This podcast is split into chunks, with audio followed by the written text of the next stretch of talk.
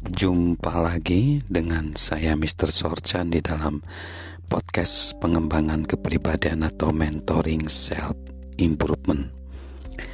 Kita semua bisa meningkatkan nilai orang lain dan perbedaan terbesar yang bisa kita buat berasal dari zona kekuatan kita.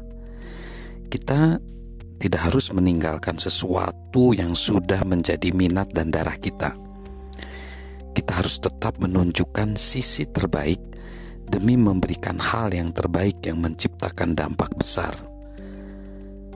Ada salah satu bagian dalam Soul of Fire yang ditulis oleh Ellie Wiesel.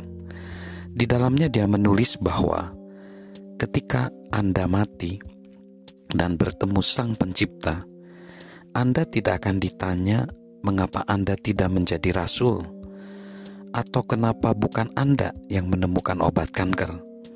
Namun yang akan ditanya adalah, mengapa kau tidak menjadi dirimu sendiri? Mengapa kau tidak menjadi dirimu seutuhnya? Untuk menjadi diri kita seutuhnya, kita harus menunjukkan sisi terbaik dalam diri demi meningkatkan nilai orang lain. Leo Buscaglia menulis, Pilih jalan hidupmu. Pilihlah jalan cintamu. Pilihlah caramu peduli. Pilihlah caramu berharap. Pilihlah keyakinanmu besok. Pilihlah caramu percaya. Pilihlah jalan kebaikan. Semua terserah kamu. Nah, bagaimana menemukan zona kekuatan saya? Salah satu ironi besar dalam kehidupan adalah ketika kita menyerah, kita menang. Jika membantu orang lain, kita untung. Jika kehilangan diri sendiri, kita menemukan diri. Salah satu ironi besar dalam kehidupan adalah ketika kita menyerah, kita menang. Jika kita membantu orang lain, kita untung. Jika kita kehilangan diri sendiri, kita menemukan diri sendiri. So, kalau kita, kalau kita misalnya hidup demi kepentingan orang lain dan meningkatkan nilai-nilai mereka, nilai orang lain, alih-alih bertindak egois, justru anehnya seluruh dunia akan membuka diri untuk kita. Benar itu. Misalnya, kalau kita banyak menolong orang, anehnya kita seolah-olah didukung oleh alam semesta.